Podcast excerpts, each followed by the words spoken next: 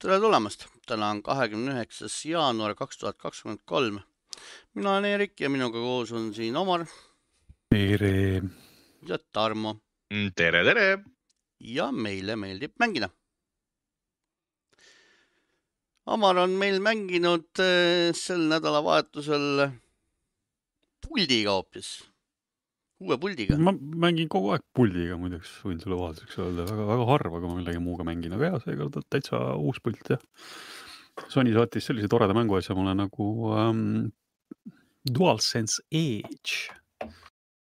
mitte segi ajada selle Microsofti brauseriga. nii et jaa, olen, olen saanud teda katsuda natukene. nii palju, kui aega on olnud. paar päeva.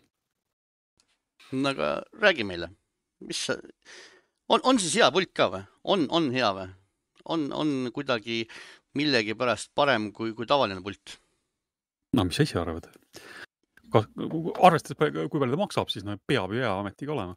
ma tunnistan ausalt, mul kohe hoobilt äh, meelde ei tulegi, mis ta maksis, aga midagi sealt kakssada millegagi. kakssada viiskümmend eurot on vist ametlik ja Eestis vist siis kakssada seitsekümmend. oli nii palju jah? aga vähemalt inimesi, inimesi, aga inimesi see ei heidutanud, sest Eurorixis on see otsas, seda kodulehel näed, enam tubli- ei ole. nii tubli et töö. siis hind on täiesti teisejärguline probleem. inimesed aga teavad, teavad, mis on hea. Euronixis oligi seda ilmselt kümme pulti ainult, eks või? No no kes seda, teab, seda me ei tea. seda me ei tea jah, igatahes kõik, mis oli, kõik sai ära müüdud jah, no olgu jah. no tore on jah, iga, igavesti tore pult on. et kui keegi veel ei tea, ma olen kunagi siin mõni aeg tagasi sain testida mm, sellist pulti nagu Scuff Reflex Pro, mis oli siis Scuffi nägemus äh, Playstationi Pro puldist, mis oli noh, ehitatud ka tavalise DualSense'i tooriku peale, oli natuke nuppe ja kellasid ja vilesid äh, juurde pandud, et oli iseenesest äh, tore äh, aparaat, aga noh, tema hind oli ka ikkagi üsna, üsna krõbedapoolne.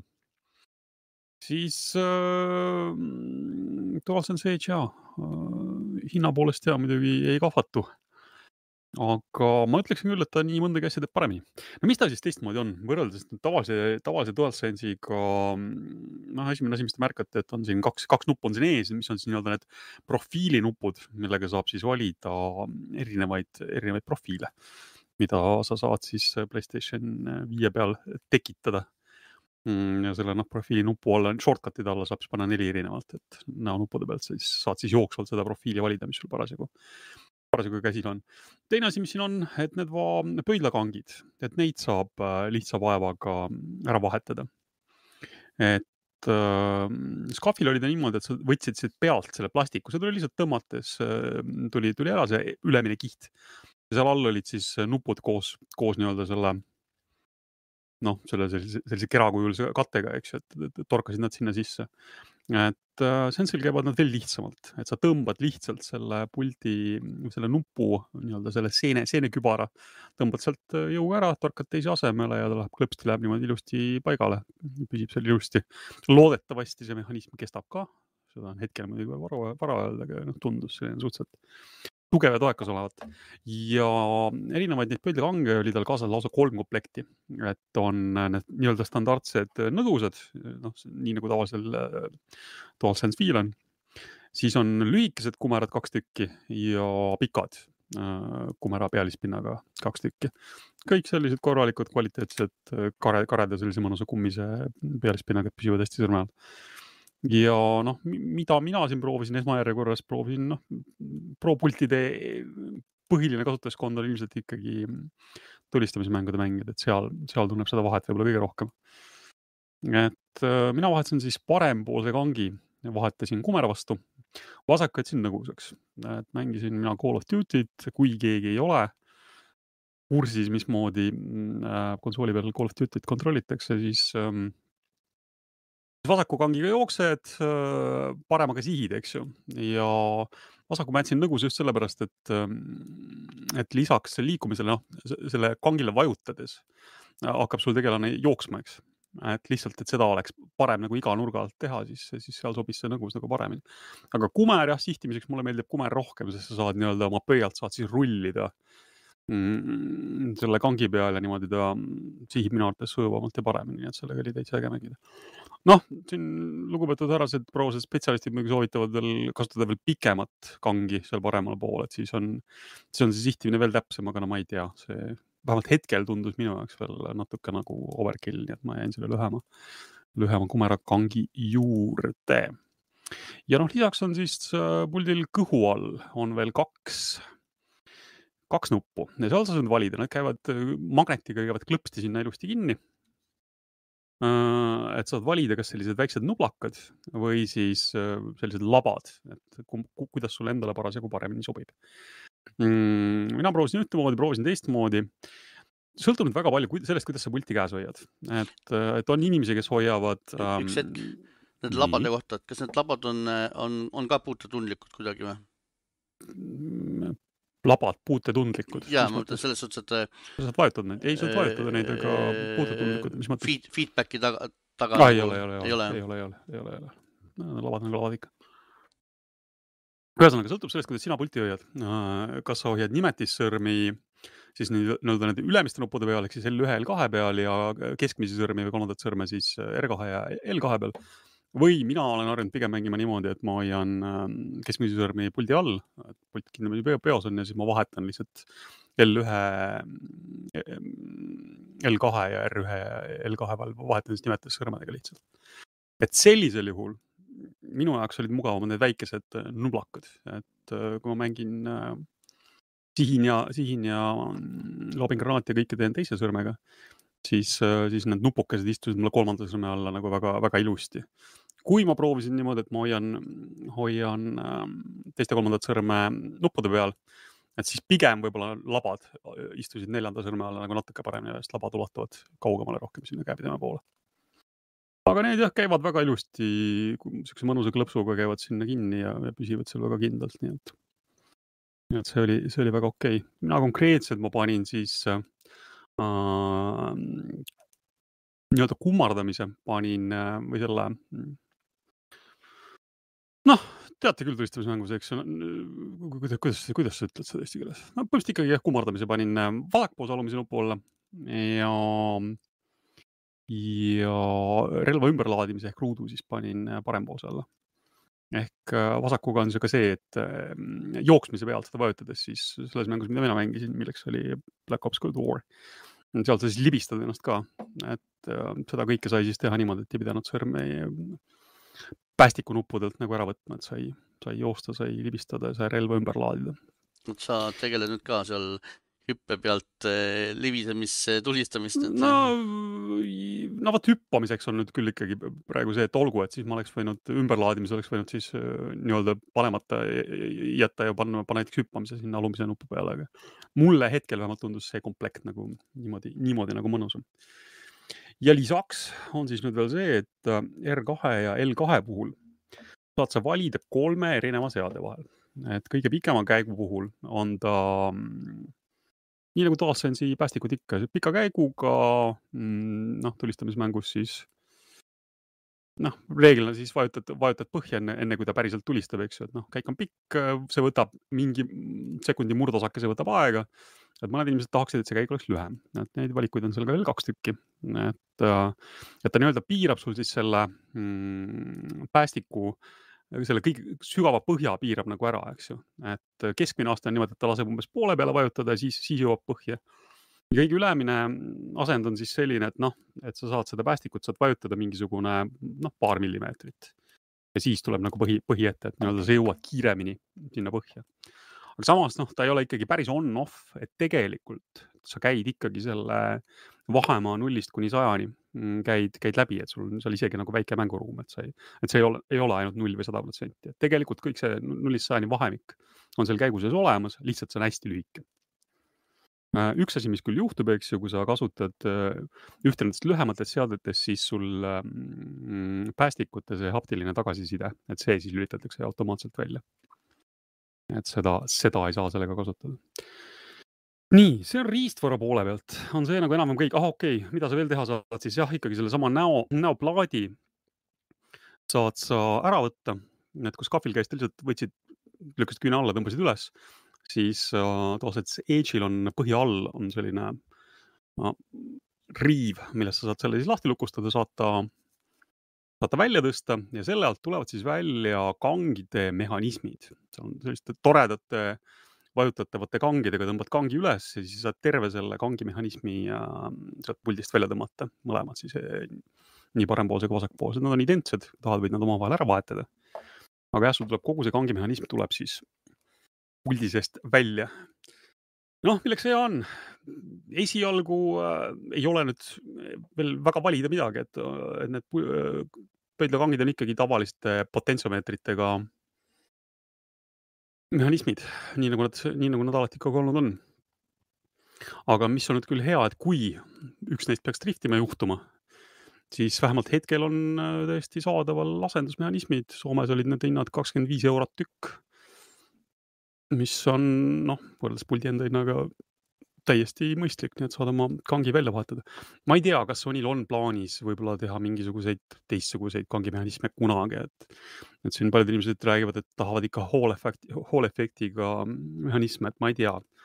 võib-olla Sony kunagi tekitab sellised moodulid ka, aga, aga vähemalt jah, sul on võimalik siis neid välja vahetada aga riistvara poole pealt see on umbes nagu kõik, kõik, mis eda, edasi nüüd toimuma hakkab, see on siis nii-öelda tarkvaraline pool, et selleks, kui sa ühendad ta DualSense'i, DualSense Edge'i PlayStation viiega ära, siis sul avaneb niisugune vahva menüü, kus sa saad siis erinevaid asju seadistada. et esiteks saad sa peaaegu kõik nupud saad siis ümber, ümber häälestada nii, nagu sa ise tahad, eks ju, tahad tõsta risti ringi koha peale ja vastupidi või, või paned endale seal jätad kolmnurgad ja, ja ruudud üldse mängust välja või, või noh, tahad, võid tõsta nad R1, R2 asemele, mida iganes. et no põhimõtteliselt see baasfunktsionaalsus on tegelikult äh, siiamaani äh, olemas olnud ka, et kui sa soovid, sa tegelikult saad seda ka tavalise puldi puhul neid numbe, nuppe lihtsalt ümber, ümber nimetada. et äh, nõue, mis on, on see, et sul peab rist ja ring peavad seal komplektis kuskil ikkagi olema, et päris välja need ei saa jätta, sest nendega sa liigud äh, PlayStationi menüüs ja kui sa need kogemata seal oma seadistusest välja jätad, siis juhtub lihtsalt see, et sa ei pääse sinna menüüsse enam tagasi, et, et neid ümber nimetada. ja noh, jah, see päästiku funktsioonid jäävad ikkagi, sa saad R2 ja L2 saad omavahel ära vahetada, aga, aga sa neid vist väga kuhugi mujale tõsta ei saa, sest seal on ikkagi see see, kuivõrd nad on ikkagi analoognupud. teine asi, mida sa muuta saad, on siis nii-öelda see dead zone ehk siis seda, kust maalt sul kas nupp ehk siis R2, L2 või siis kang nagu liikuma hakkab ja kust maal see liikumine nagu ära lõpeb, eks ju. et noh, vaikimisi kangide puhul on see nii, et kui sa natukene teda liigutad, siis juba, siis ta juba reageerib, eks ju. ja siis see kõige äärmine serv ongi seal noh, nii, nii kaugel, kui ta füüsiliselt sul läheb aga kui sa soovid, sa saad seda siis äh, sättida, et sa võid selle vahemiku teha lühemaks või. ja kui sa soovid, saad sa muuta siis ka kangide puhul ja, ja ka L2, R2 nuppude puhul nii-öelda seda kurvi, seda kõverat, et kuidas nad siis täpselt reageerivad. et kui sa tahad, sa saad teha näiteks niimoodi, et seal tsentrile lähemal näiteks äh, liigub ta sul niimoodi aeglasemalt ja täpsemalt. ja kui sa tõmbad ta kaugemale, siis ta liigub sul nagu kiiremini, et et ja neid kurve oli seal, ma ei mäleta, üks kuus-seitse erinevat, mille vahel sa said valida.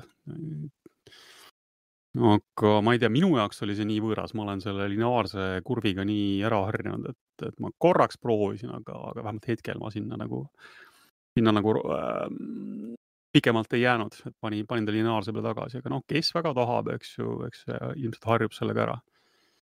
et saad, saad siis sättida seda kurvi endale niimoodi sobivaks, et saad paremini sihtida ja samas siis ka kiiremini ümber pöörata või noh.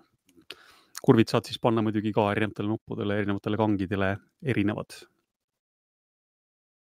ja selline ta siis laias laastus on, aga iseenesest jaa, ta on tore, toekas, soliidne tükk, noh, nii nagu DualSense ikka üks asi, mida me enne vist veel ei maininud, et, et käepidemete sisemised küljed on sellisest kergelt kummisest materjalist ka, et ta püsib paremini nagu peos ja noh, kogu see toredus muidugi kaalub nõksakese rohkem, et umbes viiskümmend grammi kaalub ta siis rohkem kui tavaline DualSense.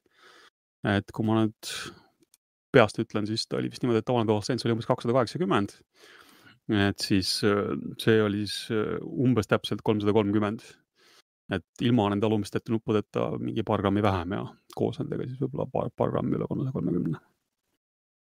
et noh, see vahe on käes-tuntav, aga kui sa nüüd just ei hoia seda pulti mängides niimoodi ette sirutatud kätes, siis see tõenäoliselt, tõenäoliselt väga-väga probleem nagu ei ole, et kui sa pultis üles hoiad, siis ilmselt väga ei tunne seda, aga jah, vähemalt esmamulje on küll jah, väga, vägagi positiivne et võrreldes selle SCAF-iga, mis ei olnud ka väga palju odavam, ma mäletan, see hind oli vist umbes sinnakanti. Oleks ilmselt pidanud selle enne üle vaatama, aga ei tulnud meelde. Mm, et mulle jääb küll mulje, et pigem tasuks siis ikkagi vaadata DualSense Edge'i poole, kui sa tahad sellist Pro controller'it. no et lisaks oli kogu see, kogu see kupatus on siis toredas sellises karbis, millega saab teda kaasas kanda ja kui kedagi veel huvitab, siis jah, seal karbil äh, on siis taga ka selline krõpsudega ava, et, äh, et saad laadimiskaabli sealt läbi torgata, nii et saad seda panna laadima ka äh, selle karbi sees, kui sul peaks selline tahtmine olema. kui me räägime laadimisest, siis ega me ei saa üle ja ümber sellest, mis siin uudistesse juba jõudis jupika aega enne seda, kui see pult välja tuli.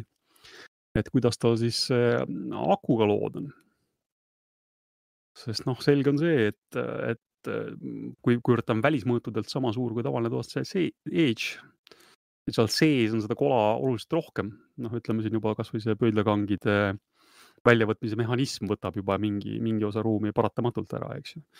pluss siis seal äh, R2, L2 need piirajad ja kõik muud, muud asjad ka. et aku on nõksakese väiksem, numbrite poolest ta vist oli umbes kolmandiku võrra väiksem kui DualSense viiel. Nii et jaa, aku on natuke väiksem jah, loomulikult see aeg, mille, mis sa järjest mängida saad, on äh, umbes täpselt selle võrra lühem. on, on, on see lühem, et testisid ära või ei testinud? jõudsid testida? no ei, ma ei jõudnud niimoodi stopperit kõrvale panna ja otsast lõpuni teda tühjaks teha, ei, sellist aega mul kahjuks ei olnud. Mm, et äh, esimene kord sai ta, sai ta mul tühjaks mingi teise õhtuga millalgi, aga noh, jah, ma ei pannud tol hetkel stopperit kõrvale mm,. eile ma korra nagu proovisin vähe pikemalt, siis uh, umbes kolme tunniga siis kukkus see aku mul umbes ühe pulga peale, aga noh, sealt ühe pulga pealt on tegelikult ka veel tükk aega minna ja, ja sealt ka selle ühe pulga pealt uh,, isegi kui ta juba nulli joob, tegelikult saad sa mängida veel mingisuguse no ma ei tea, vähemalt pool tundi, tund aega küll et siis sa riskid sellega, et kui sul võrgumängus järsku pult, pult tühjaks saab, et see võib-olla ei ole kõige toredam, aga. Et ja noh, elu, ta saab kiiremini tühjaks tõenäoliselt küll jah, aga no, ma ei tea, kas see on nüüd nii suur probleem, et kui pikalt sa järjest ikka mängid, et ja kui sa tahad seal kümme tundi järjest mängida, siis, siis ta tõenäoliselt ei, ei pea seda vastu. aga kui sa vahepeal mingeid siukseid mõistlikke pause teed, siis ma arvan, et see ei ole nagu väga suur probleem sest ähm,. et maratoni no, ühesõnaga väga ei tee, et ühesõnaga. no maraton, väga pikka maratoni ilmselt ei tee jah. Ehk no,, ehk, ehk ma täna, täna, täna poleks Forspokenit lõpuni läbi mängida saanud niimoodi ühe, ühe, ühe jotiga. no kui sa väga, väga tahad, siis sa saad muidugi alati juhtme taha torgata ja edasi mängida, eks, kui sul juhe ulatub kuhugi konsoolini uh,. teine trikk, mida ma võin teile soovitada, kui, kui sul otse ei ulatu juhe konsoolini siis sa võid kasutada näiteks äh, telefonilaadijat, kui sul on USB-C otsaga telefonilaadija, mis ulatub sinna kohta, kus sa mängid, siis sa võid torgata talle tavalise laadija taha ja see, see laeb seda pulti ka väga edukalt, saad nii-öelda kohaliku juhtme otsas siis nagu edasi mängida. Ja üks asi muidugi, mis on, et ta tänu sellele, et see aku on väiksem, ta laeb seda muidugi natuke kiiremini ja mulle tundub, noh, ma isegi korraks panin äh, mõõte taha et ta mm, võtab ka voolu kiiremini vastu kui tavaline DualSense, et kui tavaline DualSense, ma vaatasin, et ta mul laadijast ei tõmmanud naljalt seal kuskil üle, üle kahe-kolme vati, siis äh, DualSense Edge'i puhul ma nägin numbrit äh, seal kuskil viie, viie-kuue vati kanti, suutis ta isegi telefonilaadijast nagu välja tõmmata ja noh, ta ei olnud päris pilditult tühi mm,. aga noh, ütleme niimoodi, et pärast seda hoiatust, et su aku on tühi, ma mängisin umbes pool tundi veel. ja kui ma siis laadima ta panin, siis ta sai täis sealtsamast telefonilaadijast umbes tund kahekümnega, nii et. Et mängid võib-olla neli-viis tundi, teed poolteist tundi pausi, selle ajaga laeb jälle ära, saad jälle, saad jälle edasi mängida, nii et ma arvan, et see probleem ei ole nii suur. ja no kui kellegi jaoks on, siis ega ma ei oskagi muud soovitada, siis tuleb kaks tükki osta, et ühega mängid, teine loeb. kunst nõuab ohvreid. sest noh, paratamatu on jah, et, et millegi arvelt, millegi arvelt peavad asjad tulema. aga pult ise, jah, see paar päeva, mis ma nüüd proovida saanud olen, väga mõnus. Et, et soovitan ka soojalt, et noh, eks te peate ise nüüd siis muidugi välja mõtlema, et kas ta teie jaoks õigustab seda, et tema hind on siis circa kolm korda umbes kõrgem kui tavalisel puldil. et ma pean tunnistama, et noh, pärast seda, kui ma teda nüüd proovida sain, mul ilmselt hakkaks kripeldama ja ma ilmselt käiks selle, käiks selle raha ikkagi välja, jah. et, et nii mõnegi koha pealt on see, on see kogemus ikkagi väga, on ikkagi parem, jah et need kõhu all olevad nupud on ikkagi abiks ja noh, see päästikukäikude, kusjuures mulle jah, see kõige lühem käik vähemalt praegu veel tundus ka natuke liiga harjumatu kuidagi oli. mina, kes ma olen sõjaväes käinud, olen ka päris relvi natuke, natuke katsuda saanud, siis täiesti olematu päästikukäik oli ka kuidagi, kuidagi vale ja naljakas, et mina kasutasin seda keskmist. et see tundus selline mõnus väga lühikesega tundus kohe, et on sul kohe vastu seda stopperit, et, et tõmbad nagu natuke pulti ära, aga aga jah, kes saab seda endale lubada, kes tunneb, et tal on sellist asja vaja, siis vähemalt selle paaripäevalise proovimise pealt ma ütlen küll, et, et pult on korralik, kvaliteetne ja mulle küll väga meeldib. kas on kellelgi veel mingeid küsimusi selle kohta? kuue kuu pärast küsime uuesti no,. ilmselt jah, et vaatame, vaatame uuesti, kuidas ta vastu peab. aga vähemalt praegu jah, mulle küll meeldis praegu soovitad, et see on nüüd pult, millega mängima hakkad? Äh, kui mul oleks valida selle ja SCAF-i vahel, eks ju, kui ma tahan, kui ma tahan Pro-pulti ja kui hetkel minu teada vist ei ole rohkem valikuid kui, kui Edge ja SCAF, siis ma pigem võtaks selle, sest sa saad sisuliselt äh, sama funktsionaalsuse ja, ja rohkem aga kui lap, kui laps küsib lapsevanemale, et emme, mul on kindlasti vaja seda Age'i, siis saadab mulle Fortnite'is edu ja ka, kas emme peaks ostma tavalise puldi või selle Age'i? no siis me peame ikka oma rahakotti vaatama, et mida ta endale lubada saab, sest see, selle Fortnite'i saab tegelikult äh, mängitud ka selle tavalise puldiga, kindlasti saab, eks ju. et need on need väikesed asjad, eks, et sa saad neid kange saad vahetada ja sa saad äh, nupud kõhu alla, pluss siis jah, et sa saad seda päästiku käigu pikkust saad muuta et noh, kõik need kurvid, kõik see dead zone'i sättimine, et noh, see läheb ikka juba väga sinna profide territooriumile. kusjuures üks asi, mida ma hakkasin mõtlema, et noh, kogu see profiili värk, tegelikult ma ei näe ühtegi põhjust, miks Sony ei võiks seda lubada ka tavalisel DualSense'il. et see tegelikult mingil määral võib-olla võiks aidata isegi mm, kellelgi ravida seda mm, driftimise probleemi, et kui see tuleb sealt kuskilt äh, alumisest otsast, kui ta tavaliselt tuleb, eks ju, kuskilt sealt paari-kolme protsendi pealt. et teoorias võiks lihtsalt saada niimoodi, et sa teed oma dead zone'i sealt altpoolt natuke suuremaks, et sul jääb see nii-öelda driftimise osa jääb sealt, jääb sealt välja ja saad pulti tegelikult noh, peaaegu sama hästi edasi kasutada.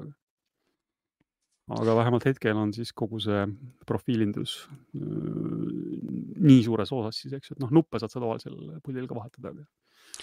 aga, aga, aga need andmed on siis ainult Edge'i jaoks meil vaatajad küsivad su käest, et kas sa tegid statistikat ka, et äh, kumma puldiga see KD parem oli? ma ei, ma ei ole Call of Duty't nii ammu mänginud ja ei, ma nii palju nüüd ka ei mänginud, et ma hullu statistikat saaks teha. suhteliselt hästi läks, arvestades sellega, et ma ei olnud teda päris ammu mänginud, siis äh, peab tunnistama, et suhteliselt okeilt läks.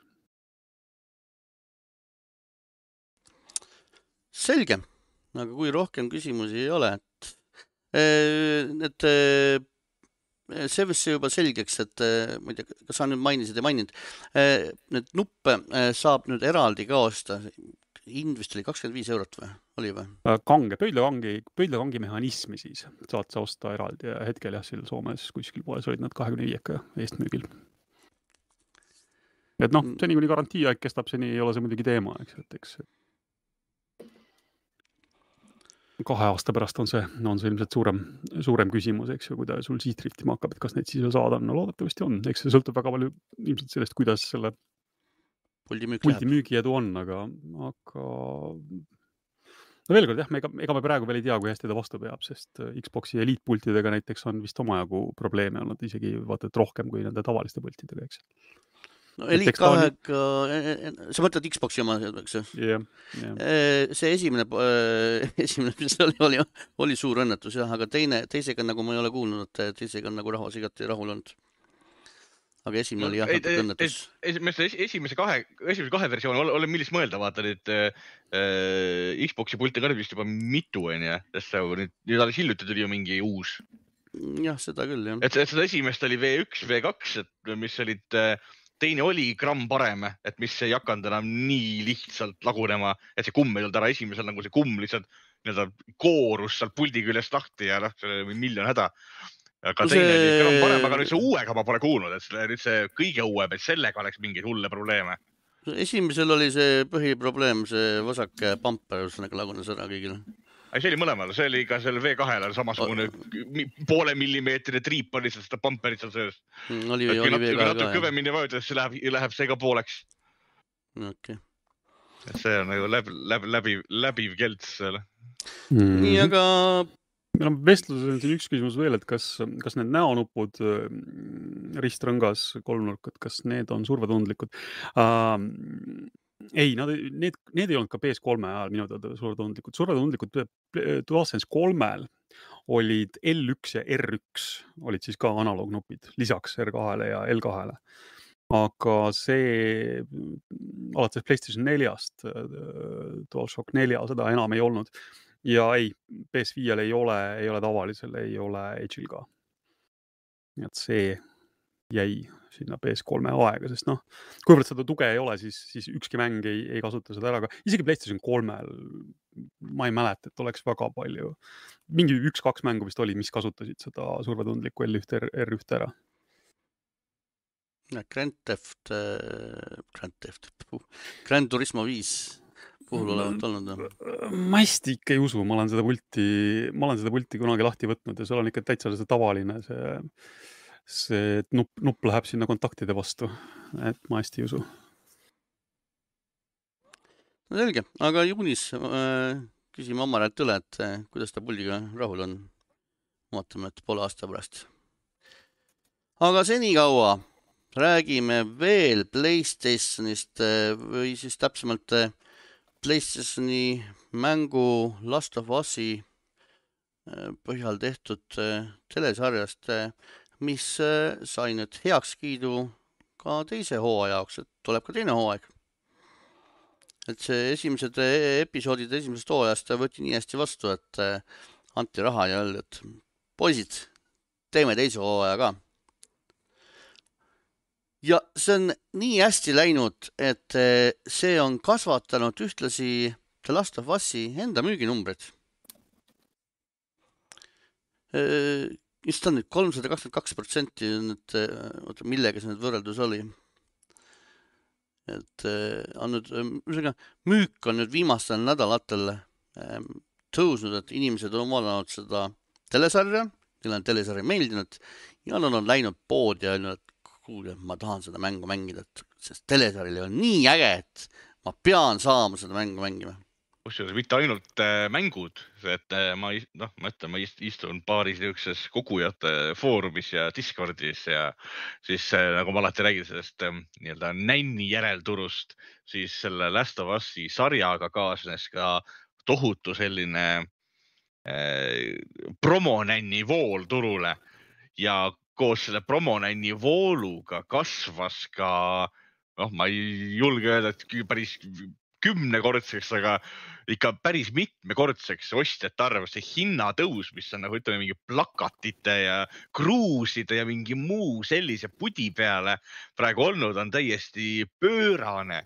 Ja asi on läinud isegi nii kaugele, et neid plakateid ja kruuse võltsitakse praegu tohutus koguses, et terve eBay kiha praegu äh, osa, osaliste autogrammidega plakatitest, mille, mis ei ole ilmselgelt päris et eh, noh, et see, see müügi, müügilaine ei puuduta ainult nagu päris mänge, vaid see on konkreetselt kõigega, mis puudutab Last of Us'i. seal kuskil Indias on mingi seltskond koos, kus kuradi vormib No plakatitele all, allkirju. et see on täiesti kohutav. ilmselt need, kes ostsid nüüd äh, selle mm, Last of Us äh, selle special edition'i, neil on kindlasti või sees, et see läheb e-base mitmekordse hinnaga ilmselt see on, sellega on, ta Euroopas on seda hetkel veel vist vabalt saada, aga Euroopas tehti selle special edition'iga natukene selline vale valik, et Euroopas ei pandud platinum karpi, vaid sa saad mätta selle steelbook'i ja mängu allalaadimiskoodi. aga neid, neid põhimõtteliselt saab ka praegu tellida, et Euroopas ei ole need läbi müüdud, et kes tahab ja kellel on kuskil Playstation Directiga tegelevas riigis tuttavaid, kes ei ole veel endale seda ostnud, sest üks aadress saab tellida ainult ühe mängu sealt, siis äh, võite küsida, uurida, et saab, saab veel osta a la Saksamaa ja Inglismaa ja midagi veel, mis seal Prantsusmaa vist ka. nii, aga mis värk selle Naughty Dogiga on või selle Unchartediga nüüd, et räägitakse, et äh, pesed käe puhtaks Unchartedist või? noh, tuleb, tuleb nii välja, et äh, kaua, kaua sa ikka ühte sama meest enam jooksutad kaua sa seda ühte sama hobust, kaua sa temaga ikka ratsutad, jah, eks ta on. Mõnes, mõnes, mõttes on mõistlik, eks ju, et võib-olla ei ole mõtet seda tampida seitset, kaheksat, kahtekümmet viite osa seni, kuni kõigil on temast kopp ees, et ja. stuudiol, stuudiol, nii stuudiol kui mängijatel, et. lihtsalt, lihtsalt, lihtsam on hakata vanadest remake'e tegema mm. -hmm. et Uncharted neli oli väga hea mäng, selles mõttes vääriline, vääriline punkt et noh, võib-olla siis tõesti ei ole sealt tingimata vaja edasi minna. võib-olla otsustab Sony selle anda mõnele teisele stuudiole näiteks edasi nokitseda, ega me seda ka muidugi iial ei tea, et see Naughty Dog ütles, et nemad ei tee seda mängu enam, mis ei tähenda, et keegi teine seda ette võtta ei võiks. no saab näha. saab näha jah. ma siia korra siis vahel ütlen veel, et, et tuleb välja, et eksisin jah et äh, PlayStation kolme pultidel tõesti näonupud olid ka survetundlikud, seda ma ei teadnudki. kahe, kahel, kahel on ka, mõtlesin vahepeal mm -hmm. jätsin vahele, et see PlayStation kahel hakkas see pihta juba. aga lihtsalt, ma ei tea, ma ei tea, palju neid mänge oli, mis seda ära kasutasid mm. -hmm. et see, see... on omaette küsimus et ma ei tea, ma ei tea nüüd hetkel ma kiiresti ei leia, kui palju tal neid surveastmeid oli, et ta ilmselt päris niimoodi sihuke väga-väga lineaar, pikalt lineaarne ei olnud, aga, aga seal natuke vist oli vahet selles jah, et kui kõvasti parasjagu võeti. aga ilmselt oli asi selles jah, et, et mängud ei kasutanud seda ära, sellepärast noh ei ole seda ka varem tähele pannud. Nonii. Mm. nii ja meil on vahepeal edasi lükatud, mis meil siin edasi lükati? The Day Before lükati edasi üheksa kuud. ja Sel... mitte midagi ja mitte midagi väärtuslikku pole kadunud. et meist vist keegi ei oodanud seda mängu. naljakas, naljakas lugu on selle mänguga jah, et kõik teda just nagu ootavad pikisilmi ma, mul ei tulnud väga ettegi, et ma kuulnud sellest varem isegi midagi oleks zombi netirollikas mm. -hmm. ütle, ütleb kõik, mida vaja teada on. ta on jah, igal pool nendes äh, oodatud mängude nimekirjades olnud. seda küll, jah. no ma ei tea. ma natuke ka kahtlustan, et väga sellise väikese stuudio jaoks on see on see natuke võib-olla ikkagi suur suutäis, et, et et äh, jah, et mingid demod, mis, mida on näidatud, niisuguseid tillukesi vertikaalseid lõike ja annab teha kindlasti, ei ole küsimustki, need võivad ägedad tunda, aga terve mäng sellel tasemel kokku panna ma ei ole väga kindel. ja no, saab, kui, kui Google nüüd ei valeta, siis kas tegemist on siis äh, idanaabri stuudioga või? saan ma õigesti aru? mis stuudioga? Ida, idanaabri stuudioga vist on tegemist. vähemalt Google niimoodi väidab. Äh, andke mulle andeks, kui ma, kui, kui, kui Google eksib. no igal juhul neil on nimega olevat väidetavalt probleem, et äh, seal olevat keegi teine selle ära registreerinud ja nimelt siis äh, ja see nimemuutus on nii suur asi, et see võtab nüüd, sa ütlesid üheksa kuud aega, jah mm.? see on hea põhjendus nüüd, et ühesõnaga omal seda äh, lisaaega, kurat, mängu valmistamiseks. ma arvan. võib-olla teen liiga, võib-olla nad tõesti tahavad konkreetselt selle nimega mängu välja anda, et, et lihtsalt lähevad vaidlevad. Kes iganes selle, mis selle mänguga siis äkki selle nimega seotud on, aga muidu oleks jah lihtne, tehke, muutke nimi ära ja läheb, go. noh, saab näha aga saab näha ka, kuidas seal äh, ühe teise idanaabrite juures oleva mänguga, äh, mängustuudio, kes teeb siis Atomic Heartsi, Nemad muidugi väidavad, et nad ei ole idanaabri stuudiod, nemad on Küprose mm. stuudio aga seal kasutajate tingimustes on mingid põnevad punktid järsku, kui inimesed natuke seda lugema hakkasid, jah? no nad olid enne ka, ühesõnaga seal Venemaa. aga nüüd keegi luges läbi, vaata. ja lihtsalt, lihtsalt kasuta, kasutajatingimusi keegi ei loe ju tavaliselt. aga nüüd keegi juhtus lugema ja siis ohohoi. hiinlased, hiinlased ütlesid jah, seda lugema, avastasid seal oi-oi-oi, et seal jagatakse infot Venemaa ja selle föderaaljuurdlusbürooga, eks, julgeolekubürooga ja FSB-ga siis, kes on endine KGB järglane. ja lisaks, lisaks oli neil igasuguseid muid naljakaid asju seal äh, üleval, et, et kuidas see ah,, nad rääkisid sellest, sellest Ukraina vastasest sõjast ka seal mainisid seda veel, et, et noh, kui sa nagu ütled ise, nad ise väidavad, et nad ei ole poliitikaga seotud ja ei, ei ole Venemaa stuudio enam, et me oleme, me oleme Küprose stuudio, eks siis miks sa paned oma lehele sellist infot? miks sa nagu äh, kirjutad sinna, et on see mobilisatsioonivärk ja sõdureid on vaja sinna Ukraina vastu, eks ju, ja sihuke kahtlane seltskond. ta kunagi äh, oli, enne kui läks Venemaa-Ukraina vaheliseks sõjaks, siis äh, oli Microsoft äh, nendega läbirääkimisi pidanud ja pidi Microsoft olema mängu väljaandja, aga siis, kui sõjaks läks, siis Microsoft pesi kähku-kähku oma käed puhtaks ennast. aga see muidugi ei takistanud vendadel siis kähku ennast Küprosele registreerimast ja leidmast siis uue stuudio, uue väljaandja, kelleks on siis see Focus Entertainment. Nemad ei ole muidugi midagi kommenteerinud selle teema kohta, et nemad on vaikselt kusse no võib juhtuda, et see, et need kasutajate olid jäänud nii-öelda sellest vanadest, vanadest aegadest ja tõenäoliselt on see tegemist siis äh, idanaabri mingite standardtingimustega, mis peavad seal sees olema. ei saa välistada, eks. et võib-olla, kui nad tõesti nüüd kütusele registreeritud on, võib-olla see muudetakse ära, aga ma ei tea. hetkel pole üldse mingit privaatset hetkel nad ei luba midagi noh ra, raske on, raske on niimoodi öelda, aga, aga ma ei tea, mina pigem soovitaks seda mängu võib-olla mitte osta. noh. ärge, ärge toetage Venemaad, eks ju. ei ole mõtet no, toetada. me ei tea, kuhu see raha täpselt välja jõuab, siis, siis võib-olla ei ole mõtet jah. raha ja teie isikuandmed nii, aga mis meil veel tulemas on? Äh, räägitakse, et Ubisoft teeb Warcry äh, seitset, see ilmselt ei tule kellelegi üllatusena, et nad ilmselt hakkasid seda tegema pärast seda, kui kuus välja oli antud. Tarmo, mis, missugune vesi endiselt on? niiske mm.. Niiske, märgi ei olegi, on niiske. Vesi on niiske jah, sest äh, midagi nad nüüd väidetavalt teevad teistmoodi, et kui mitmikmäng on siin mõnes Far Cry mängus varemgi sees olnud, siis nüüd nad väidetavalt vaatasid, et kuulge, aga siit annab ju välja teha lausa kaks mängu, et teeme üksikmängu eraldi ja mitmikmängu eraldi. mina ütlen ausalt, mina olen kahega selle poolt. mina, kes ma ei, ei, ei no., ei selles suhtes, et co-op võiks öö, olemas olla küll, aga co-op võiks olla midagi normaalselt, korralikult tehtud, mitte nagu nendes Warcraft'is tavaliselt on. aga kui nad tahavad jah, täiesti puhast mitmikmängu teha, siis jah, minugi poolest tehke mm. -hmm. et selles mõttes on mõnus jah, et need, kes tahavad mitmikmängu, saavad mängida mitmikmängu, need, kes ei taha, need, kes tahavad üksikmängu või siis jah, koostöömängu. et nende jaoks on teine mäng, mulle sobib see nagu paremini.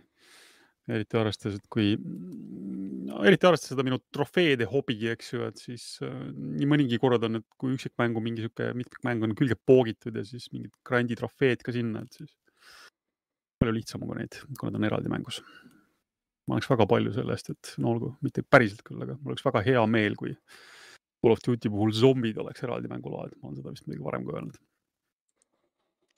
või selles mõttes, et oleks täiesti eraldi mäng. Aga noh, see on palju tahetud. nii, aga toimus ka üks äh, mänguüritus äh, Xbox ja Bethesda Developer Direct.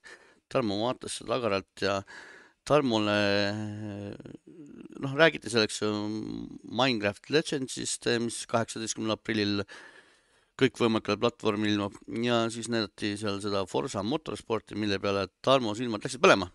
ja, sest see oli, tundus, tundus natuke tuus, sest ma, nagu ma ütlen, vahepeal kui Gran Turismo sari hakkas siin vaikselt allamäge käima seal PlayStation kolme, kolme päevadel, eks ole, ja neljapäevadel spordiga, siis äh, Moto Motorsport oli nii-öelda parem Gran Turismo. niisugune vanu, noh, ta oli rohkem vanade Gran Turismode stiilis ja nüüd see uus tundub olevat natukene arenenum, aga noh, ma tahan nüüd näha nagu seda gameplay videot, et kuidas see täpselt ka mängu ajal välja näeb, et see autode määrdumine ja mõlgistumine ja kriimustumine on küll teoorias tuus, aga tahan seda näha ka mängu ajal, kuidas see nagu täpselt välja näeb. rahvas, pidi jah olema väga, väga vaimustuses, et see pidavat olema kõige räpasemate autodega Just. mäng. see, see, see, see mind alati hullult häirib igal pool mängudes, et autod säravad, täiega säravad kõik. no ma ei tea, need lõigud, mida mina, ma pean tunnistama, tervet seda videot ära ei vaadanud, ma siin kerisin natuke siit-sealt, ma küll nägin nagu, et särasid teised nagu pühade munad seal, aga ju siis olid mingid mõningad hetked. ma ütlen, ma tahangi näha, kas ka. kas ja kuidas nad nagu määrduvad sõidu ajal, et kas see on nagu püsiv, eks ole, et kui, kui, kuidas see nagu nii-öelda dünaamiliselt koguneb sinna auto peale. aga sa mõtled seda, et ühesõnaga, et käisid Borreliöögist läbu, pritsid selle läbu peale ja siis ühesõnaga just, Jär- järgmises kurvi- järgmises kurvis on juba kiisk või? läinud ei ole, just, Jah. just täpselt, et mina tahan vot sellist asja näha, mulle meeldib see. no see ei oleks selles mõttes midagi uut, et on mänge küll küll, mis on seda teinud varemgi, aga, aga noh, tavaliselt jah, kui sul on eriti veel litsenseeritud autod, siis, siis ähm, autotootjad muidugi väga tahaks, et nende autod oleks väga ilusad ja läikivad ja katki ei läheks ja nii edasi ja nii- edasi. ütleb palju nad välja pidid seal raha köhima, et, et saaks need äh, katki teha ja, ja mustaks ära, ära No. mä- määrdada ja huvitav, kas seal, kas seal on mingite litsentsidega autod, mis ei määrdu et osad määrduvad ja osad ei määrdu. võib juhtuda küll, et mõni tootja ütleb, et ei, minu auto ei saa mustaks. No olgu, saame näha. kuupäeva meil ei öeldud, aga tõenäoliselt sügisel on vist äh, tavaliselt see jah, nende tavaliselt tuleb aeg mm. -hmm. ja eh, siis loomulikult lubati The Elder Scrolls Online'ile juunis lisa. Redfall sai lõpuks omale ilmumiskuupäeva, milleks on teine mai. See siis on nüüd äh, Tarmo siin ootas Unreal viie mootoril, mängumootoril mängu, et näed, siis lõpuks saab teisel mail mängima hakata. mäng ise muidugi ei sobi vist sulle. aga ei, aga see ei näinud üldse hea välja, selles ongi veider. ilus nägi Redfall- välja. minu, meelest Redfalli animatsioonid, eriti vastaste animatsioonid olid nagu konkreetsed sellised aastast Playstation kaks. nagu vastased tulevad ja lihtsalt seisavad. No ütleme niimoodi, et neil on neil on veel neli kuud aega, eks ju, et nad jõuavad seal veel et ta nagu kamp, kamp, kamp vampiire tuleb ja nad jäävad seal õhku rippuma, nad nagu ei tee midagi ja ootavad, millal sa paugutad ja tulistad ja. oota, kas sa, kas Unreal viis on kunagi lubanud midagi sellist? ei no, Unreal Vision, see pidi olema no parim asi ju pärast viiutatud leiba, et kõik on nii realistlik ja kõik asjad nagu reageerivad maailmale. ei, ei graafiliselt, graafiliselt pidi ilus olema. Ega mootor ei tee ise, ise ikkagi Mm. kõiki asju ära, et eks peab arendaja peab ikkagi vaeva nägema, et, et, et mootor on pannud need tööriistad, eks. Nad Ah, oleks võinud OpenAI-le raha maksta ja panna sealt, võtta OpenAI ne- need botti tegema. siis oleks muidugi jama olnud, rahvas saaks kogu aeg peksa. vaata, ma mõtlen, ma pole kunagi otse väga-väga suur selle Arkeeni mängude fänn olnud, selles mõttes minu jaoks nad alati olnud sellised, kõik need hullud fännavad neid Preisid ja Dishonoredit ja. Test rämps puhas. aga nagu meil on poolpidune selline, aga nüüd nad teevad multiplayer'ina sama asja. et sa pead nagu mitmekesi mängida. seda pidi väidetavalt saama No ikkagi õnne- üksinda ka mängida. õnneks- tuleb Gamepassi, saab ära proovida. kui ei kõlba, siis tuleb ära kustutada. väga No. lihtne. alguses jäi mulje, kui Arkeeni mängud on muidu olnud üsna stealth'i või selle hiilimispõhised, siis, siis sellest trillist alguses jäi mulje, et tegu on täiesti niisuguse puhtalt tulistamismänguga, aga siis teises sektsioonis ta ikkagi käis ja seal summutatud relvadega tegi headshot'e nii-öelda. tundub, ei see tundub midagi Borderlandsi laadset. et see tegelikult ei olegi nagu see Left 4 Dead, vaid ta pigem on Borderlands. pigem ta tundub olevat jah, ikkagi selline avatud maailmaga ringi jauramise mäng, mis on ennekõike mõeldud ilmselt ikkagi jah, mit-, mitmekesi mängimiseks nii-öelda. aga noh, Borderlandid, Landsid on ju olnud noh, suhteliselt okeid, eks tulistamine sõltub sellest väga palju, kui, kui, kuidas see tulistamise kvaliteet on, sõltub, kuidas see loo jutustamise kvaliteet on. mis loo? lugu, lugu koos, sõp, koos sõpradega mängides muidugi see lugu jah, need ei ole enam nii oluline. tuleb Draculaid tappa lihtsalt lihtne lenduvaid äh, Batman'e aga siis äh, kuulutati ühtlasi äh, välja, visati samal päeval välja ka kohe Tango Gameworksilt äh, sihuke rütmikas peksumäng nagu Hi-Fi Rush ja sellest me kohe mõne sekundi, mõne minuti pärast äh, lähemalt räägime. Äh, väga kiidetakse, väga populaarne hetkel, aga enne, enne kui me selle juurde läheme, räägib Omar meile, mida meil sel nädalal tasuta anti hmm.? vana hea Epiku pood Lähed vaatad Epiku poodi, Epiku poes tasuta hetkel sellised mängud nagu Adios, mis on äh, sinemaatiline esimese isiku mäng, mingi selline jalutamissimulaator siis äkki või. tuleb teha väga raskeid otsuseid, nii et aga tasuta saate, minge proovige. ja Hell is, Hell is Others on teine mäng, mida sealt jagatakse. õudus äh, PVPVE ülevalt vaates tulistamismäng, selline piksline. et kes midagi sellist tahab mängida, siis Epiku pood. täiesti tasuta. nii ja mina mängisin, ma ei tea, kas Tarmo, kas sa jõudsid ka mängida seda Hi-Fi?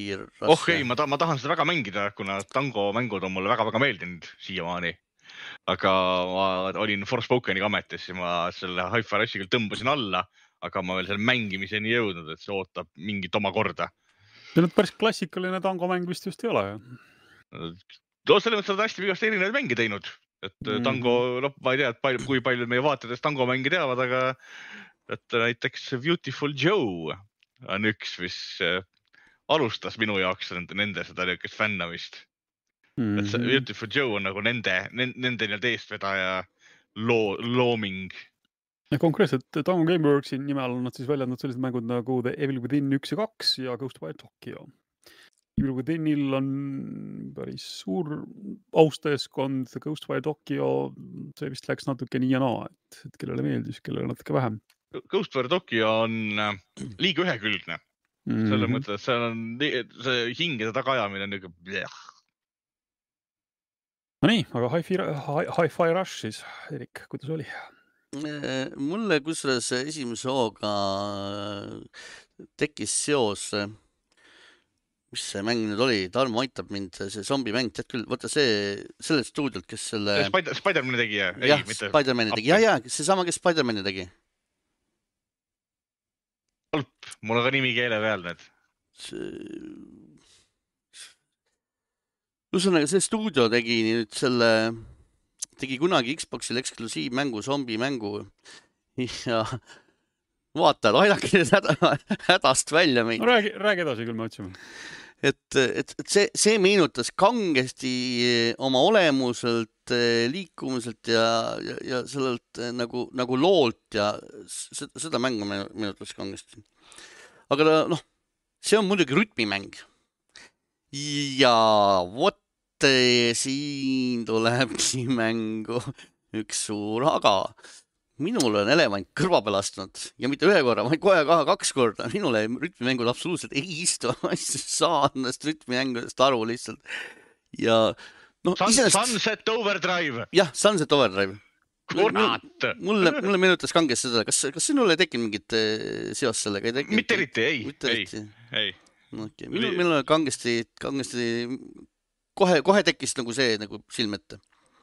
minul tuli pigem, pigem, pigem seos Platooniga okay.. see linn, nagu need, need, need maailmad, kõik see tundus nii niisugune selline animelik aga noh, nii jätka, go aga noh, trükmimängijad ja siis mulle nagu, nagu ei istu, et ma nagu fail in neid trükmimänge.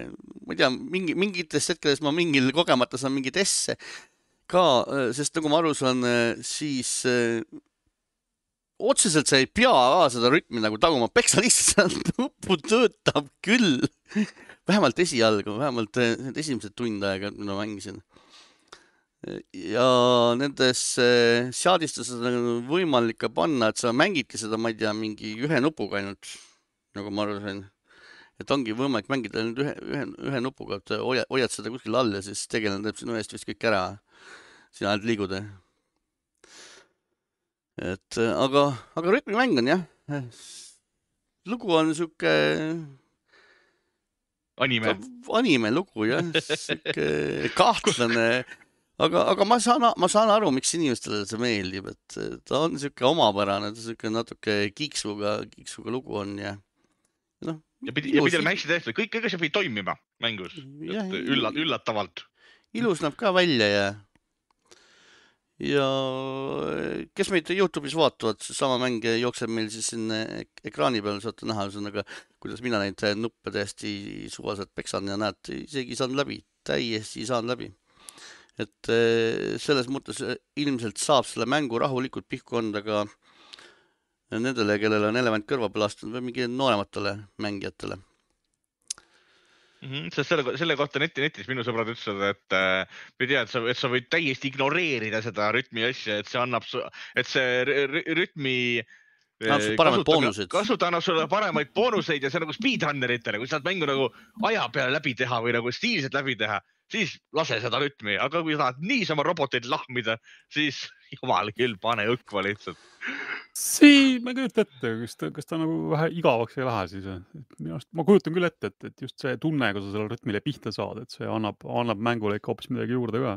sest nagu ma aru saan, Eerikule ta väga ei meeldinud, eks, et võib-olla, võib-olla see oli siis see osa, mis sealt puudu jäi rõõmust mulle nagu oli seal mitmeid asju, mis on mulle, ühtlasi üks asi, mis mulle meeldis, oli see, et ta pidevalt vahetab seda Äh, kuidas ma ütlen, kaamerat või noh, äh, üks, üks hetk on ta seal niimoodi äh, kolmanda isiku vaates, eks ju, siis on sul ta sul külgvaates, eks ju. mingid lollakad platvormi hüppamised seal, oh jee, paned kuskilt mööda, oot, oot, oot, kuhu, kuhu ma nüüd hüppama pidin? kus oli see koht, lähme tagasi. ja no ei ole minu mäng, noh, selles suhtes ei ole minu mäng. Et, et ma ilm, ilmselt äh, rohkem seda ei mängi ka, aga ma olen täiesti veendunud, et kui nüüd ma, Tarmo näiteks leiab nädala sees aega või millalgi ja räägib meile järgmisel pühapäeval sellest, siis Tarmo kiidab seda mängu täiesti taevani. sest see on, on, on sihuke, on, on rohkem tema mäng. et nagu ma ütlesin, ma saan aru, miks inimestele see meeldib, eks, et sihuke Eh, humoorikas lugu, pilt on ilus, lahedad napakad tegelased, kass on ka loomulikult, kuulge, kass on Täna, mängus. tänapäeval, tänapäeval ei tehta enam mänge ilma kassideta. see on võimatu. robot, robotkass on ka, eks ja noh, kui sulle meeldib seal hüpata ja siis need eh, robotid peksta rütmi saatel, siis on see ideaalne mäng. Gamepassis on ta olemas Äh, nii arvuti kui Xbox'i peal. Minge vaadake, võtke ära. Äh, ta on, kusjuures äh, ta on nii populaarne, et ta on juba Steam'i nende müügitabelites ka jõudnud juba. koos selle Dead Space'iga jagavad seal kohti. ta on, on populaarne, et nagu ütlesin, kui teile meeldib sihuke platvormikas robotite peksmise mäng rütmi saatel, siis minge. aga paari sõnaga veel eh, sii-, eh, räägin Fire Emblem Engage'ist. mõtlesin küll, et enne rohkem ei räägi, kui mäng päris läbi on, aga ma olen nüüd siis poole peal, täpselt poole peal. ja roosad prillid kukkusid eest ära? roosad prillid kukkusid eest ära no see on taaskord jälle selles suhtes mingil määral, mingil määral on sobilik Tarmole ja mingil määral ei ole. sellepärast, et äh, väga palju äh, baasis tegutsemist, see kõige huvitavam osa kusjuures, on maha korjatud. kõik see mm, suhete süsteem, see, kuidas nad suht-, suhted arendasid seal baasis, ühesõnaga erinevate tegelastega ja need lahedad vahestseenid, need humoorikad, see lugu, see oli, see, see oli, see oli omaette, see oli, see oli vajalik asi. see oli hea asi, see oli, mis andis sellele mängule väga-väga palju juurde. ja nüüd on see kõik välja visatud. mingid suhted on mingi täiesti pointless, noh, võib ka mitte olla. natukesed eh, lahingutes boonused juurde, midagi saada, aga mingit, mingit tõsisemad suhted seal midagi ei ole, et see on siuke, eh, noh, siuke platoonilisemalt ja see suhete need vahestseenid või noh, baasis seal need, need tegelastega jutuajamised. ta oleks võinud olemata üldse jätta, oleks võinud rahulikult sellega minema visata, sellepärast et tal puudub pu,, puudub hing. ma isegi ei ole vaadanud, kas on, kas on sama tegija või, või on teine tegija. et, et nagu, nagu ei ole hingega asja juures, mingi täiesti mingi mõttetud, no käisin, tõin sealt mingi putkast süüa sulle, tõin kogemata valet süüa sulle. mitte mingisugust suhestumist ei teki, mitte mingisugust kaasaelamist ei teki, mitte, ei pane sind kordagi naerma ega nutma ega mitte midagi, mitte midagi, ei ole mitte midagi sest mäletan, ma sain Fire Emblem äh, Three House'i puhul said igast lahedaid, ägedaid äh, need äh, vahestseene, videoklippe, eks. siit mitte midagi, absoluutselt mitte midagi, sest see on täiesti mõttetu kraam, kus võib täiesti, täiesti olematu olla. ja üldse kogu see baas oleks võinud üldse olematu olla. kalapüüki saad ka ikkagi teha endiselt, see on ikkagi olemas. kolm korda saad kala püüda ühesõnaga päeva jooksul mis keegi ei anna midagi, sa saad, saad süüa teha sellest kalast, eks. et eh, söög, söögiosa mingil määral on, see annab siis nüüd eh, võitlustele sulle järgmiseks päevaks nendele kahele tegelasele, kellega koos sa siis sööd, annab siis natuke boonuseid juurde. mina ei kasuta neid boonuste jaoks, mina kasutan neid pigem vaatan, et oh, kellega ei ole mul siin mingid suhted arenenud. tavaliselt siis need, keda ma üldse kaasa ei võtagi, eks ju et nendega ma käin siis eh, söömas, siuksed eh, arenevad suhted, sest eh, suhted arenevad kaassöömise käigus. et see boonus on täiesti suva. siis on mingid treeningud, treeningud on mitut sorti. ühed treeningud annavad siis sulle primaarsed boonused, et tõstavadki sinu taset ja kõike ja siis sa saad nende emblem hero'dega, saad siis sealt nende skill'e omale juurde, eks ju, pärida nendelt skill'e, ehk siis saad oma äh, tegelast äh, muuta natuke teistsuguseks. sul on, sul on muidugi erinevaid skill'e väga, väga, väga, väga, väga palju erinevaid skill'e. Ja siis saad seal miljon sõrmust veel omakorda genereerida, et kõigile sulle ei jätku emblemi kangelaste sõrmused saad äh, neid sealt äh, genereerida ja kokku sulatada, et paremaid äh, luua, et seal oma, omakorda sõrmused luua, et need annavad siis nagu lisa boonust, lisastatse. ja siis on see igapäevane treening, et kus saad siis oma võitlus, järgmiseks võitluseks oma siis oma statse jälle tõsta no see mingid minimängud siis, et eh, need minimängud on tavaliselt on mingid nupupeksmised, mingid tõsised, tõsisemad sordid mini, nupupeksmised. või siis on mingi see jälle rütmimäng, eks et eh, ma esimesel päeval tegin seda, siis viskasin nurka ära, mul ei ole vaja seda, saan, saan ilma hakkama ka, ma ei viitsi seda jura teha seal, lihtsalt ei viitsi seda jura teha. Et eh, põhimõtteliselt on Fire Emblem mäng, engage on siis eh, nagu rohkem, ongi sellele, et eh, ühest võitlusest teise. ja ma ütlen tõesti, et see kogu see baasivärk, mis seal on, selle oleks võinud täiesti prügikasti ära visata täies koosseisus, sest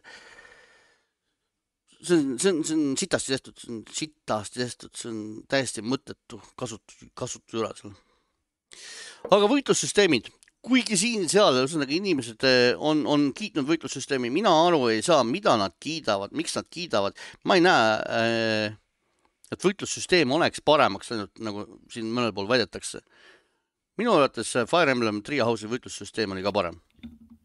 siin on nagu midagi, midagi on nagu viltu, midagi on nagu tõsiselt viltu, midagi on siit puudu, ma ei suuda täpselt näppu panna selle koha peale öelda, et see nagu on viltu.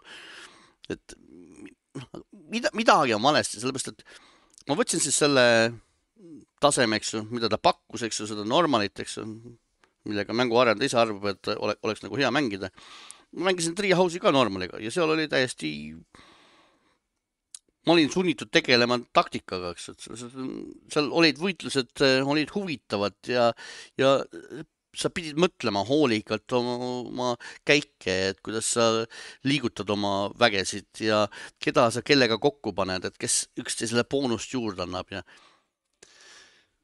nüüd on põhimõtteliselt pohhud lendan peale ja pasun et kogu see taktika tundub olevatki selle peal, kes esimese löögi annab see on nagu teine huvitav asi, et põhimõtteliselt ma saan enam-vähem ühe või siis eh, kahe löögiga vastased eh, ära tappa. Ja, aga seda tulebki teha, eh, sellepärast et kui sinul, sina annad vastasele käigu, et nemad saaksid esimesena lüüa, siis okei okay,, minu kangelasele miskit nad ei suuda kunagi mingit haiget teha. Ma ei tea, kas ma olen nad nii kiiresti suutsin üles boost ida või milles asi, aga küll nad teevad seal igasugustele muudele maagidele ja vibumeestele ja kohe lendavad nendele juurde ja, ja, ja panevad selle paugu ära või siis eh, kasutavadki eh, Fire Emblemis, need, kes on mänginud Fire Emblemi, need teavad, et eh, see on see kivi-paberkääride süsteem, eks ju. et kirves annab peksa selle odamehele, eks ju, odamees annab peksa möögamehele, möögamees annab kirve, mehele peksa, see variant, eks ju. et nad ilusti mängu ar ar arvuti siis teab täpselt, et ohoh, näed, selle juurde lendame, kohe pasundas ära ja ongi surnud. nii et ühtlasi ongi, et jooksed kogu aeg ise kohe peale, et kohe annad kohe pasundasse ära, hops, pasundasse ära, pasundasse ära, ei, ei lase üldse oma vägedel ligi, hoiad hoiad nagu teisi nagu tahaplaanil, et siis nagu seda, seda, seda taktikat nagu pole. et siis tekibki see olukord, et mäng on nagu väga ülikerge. Ja siis on järgmisel hetkel, ta on täiesti rumalalt, täiesti, ma ütlengi, tuleb vastane, teeb sulle haiget. enne saadet just mängisin, tund-paar enne saadet mängisin, oli üks missioon, kus oli niimoodi, et eh, võtsin kaksteist tüüpi kaasa ja ellu jäid seal kolm-neli tüüpi ainult, kes vastane lihtsalt sõitis üle.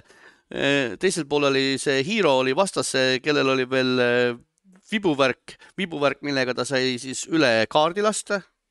Et tema on alles, ma olen, ma ei tea, mingi kaheksa käigu kaugusel temast ja tema siis muudkui tulistab sealt üle kaardi ühesõnaga ja ühe korra tulistab on, on minu tegelane surnud põhimõtteliselt, sest ega ta ei hakka tulistama minu seda tegelast, eks ju, kes on tugev ja ei saa selle peale surma. ei, ta võtab kõik mu maagid ja hiilerid, ta tulistab kõik sealt teiselt poolt mäppi otsast maha ja ma ei saa mitte midagi teha, absoluutselt mitte midagi ei ole mul teha selle vastu. Et see on nagu täiesti napakas et ta on ühest küljest kerge ja siis järgmisel hetkel on täiesti üle mõistuse, noh, vastane own ib sind nagu põhimõtteliselt. et see balanss on, balanss on kahtlaselt paigast ära, no häirib, häirib kõvasti mind no, selles suhtes see. mis ma veel tahtsin äh,, veel üks asi, et äh, ma vahepeal läksin selle õnge, et ma teen kaardi puhtaks, enne kui ma järgmise chapter'i, peatüki juurde lähen. et seal tekivad need bandiidid ja värgid-särgid ja väidetavalt nad peaksid eh, mingil määral mõjutama sinu neid sissetulekuid ja värke-särke. ma mõtlesin, ma tapan need lollakad bandiidid ära iga kord, kui ma siis järgmise chapter'i lähen. tapan ära, ikka kaks tükki tuleb asemele. Okei okay,, lähme võtame sealt ära, tapame ära, mängitakse ümber, kaks tükki tulevad asemele alguses ma ei saanud aru, mis värk on, sest äh, ma nagu Fire Emblem Treehouse'is nagu mäletan, ma võisin ilusasti kaardi puhtaks teha, kõik need missioonid, lisamissioonid ja kõik nagu ära teha. tundub, et äh, ongi, äh, on lisamissioonid on lisamissioonid ja siis ongi mingid skirmish'id, mida lihtsalt genereeritaksegi, et sul kogu aeg oleks, kui sa tahad, kui sa tahad oma tegelast siin grind ida või mida, iganes. et siis näed, tule, tule tee. ja see on oleks tulevik, võinud see on tulevik, meil hakkab, masinõppe algoritmid hakkavad mängudes missioone genereerima, panen tähele, see juhtub pigem varem kui hiljem. no, see oleks võinud natuke mulle nagu paremini selgeks teha, et ma siin lollakalt aega raiskasin, et natuke, et püüdsin nagu puhtaks teha, eks võidelda mingi seitsmepealise lohega, kogu aeg kaks pead asemele kasvab, eks kolm pead asemele.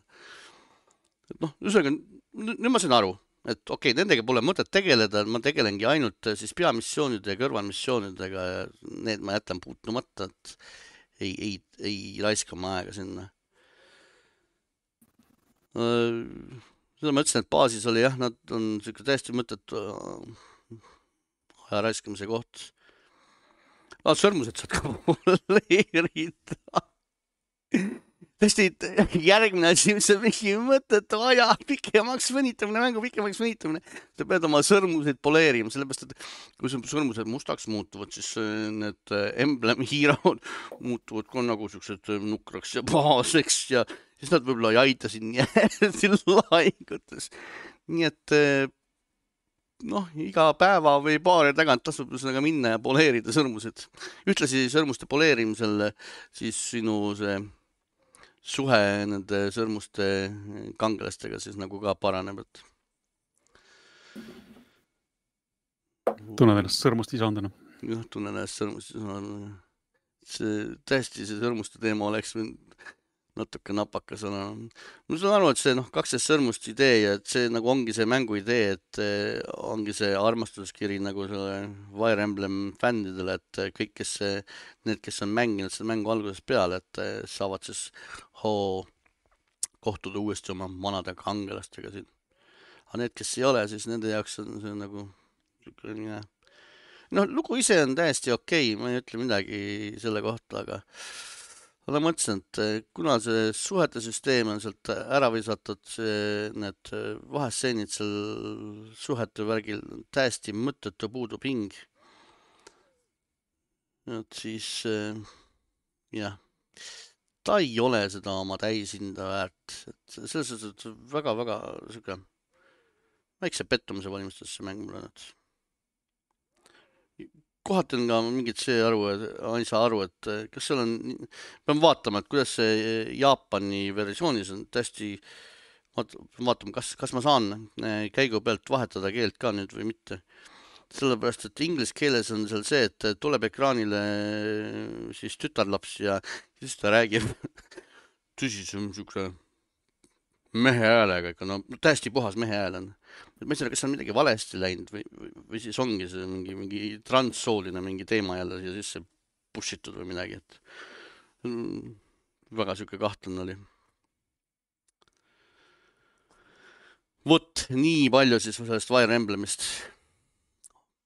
Aga see on see, kui Eerik mängust korraks räägib. aga Tarmo äh, mängis meil lõpuks Warspokeni ära Talmale meeldis hullult see Warspoken, nagu ma aru saan. mitte just lõpuks, aga ta tuligi ju sel nädalal välja. ja ma tegin selle läbi. noh, õigemini läbi on veel vale öelda, sest äh, mäng, mäng ei lõppe lõputiitritega. aga ja mulle Forspoken väga-väga meeldis.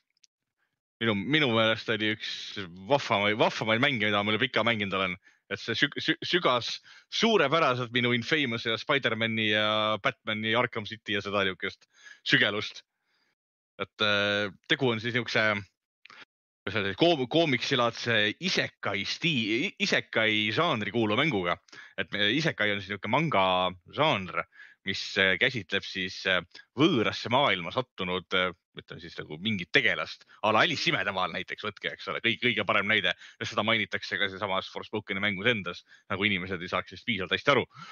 et äh, siis Alice imedemaal raamatut on seal niisugune mit, mitmes kohas olemas aga ja äh,, räägib peategelaseks äh, neiu nimega Frey New Yorgist äh,, vannub nagu ühele õigele äh, noorele kohane ja oma nii-öelda natuke kuritegelikul teel üritab ta siis äh, New Yorgist lõpuks oma kassi Homeriga ära kolida.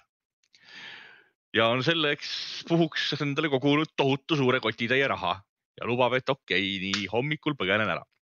aga pole midagi, minevik või nii-öelda halvad sõbrad leiavad ta üles, panevad ta maja põlema koos selle rahaga, õnneks mitte koos kassiga.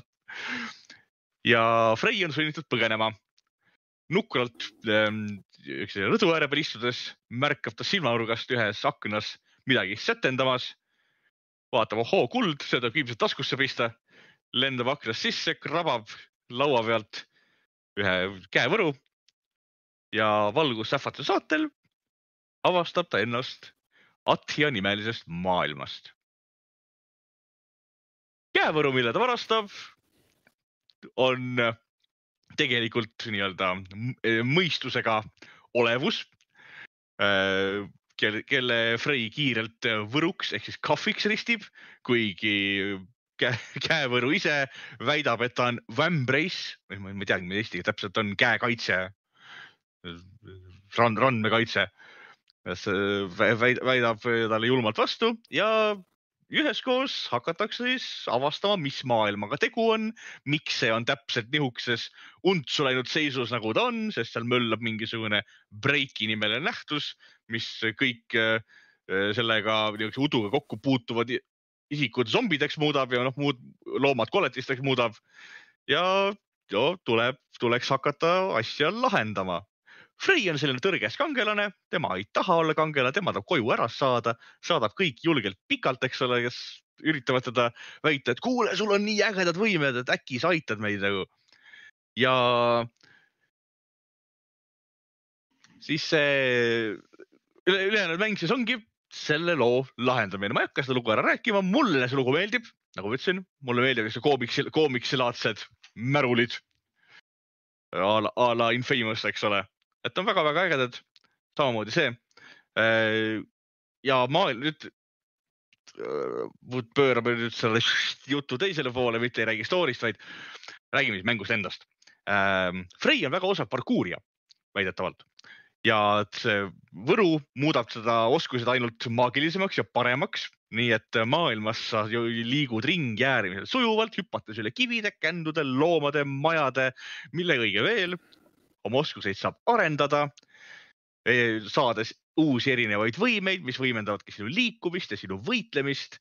ehk siis tegu on sellise anime stiilis, noh, ma ei saa öelda päris Harry Potteriga, aga anime stiilis Magic'u maag-, maagia märuliga.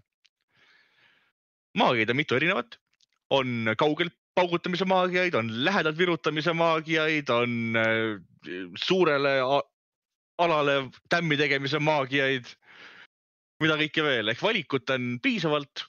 siit tuleb üks minu miinus selle mängu kohta ma oleks nimelt väga tahtnud, et erinevad maagiad kuidagi omavahel suhtleks või nagu, et, et mul oleks kasulik neid niimoodi min- mingit moodi strateegiliselt vahetada.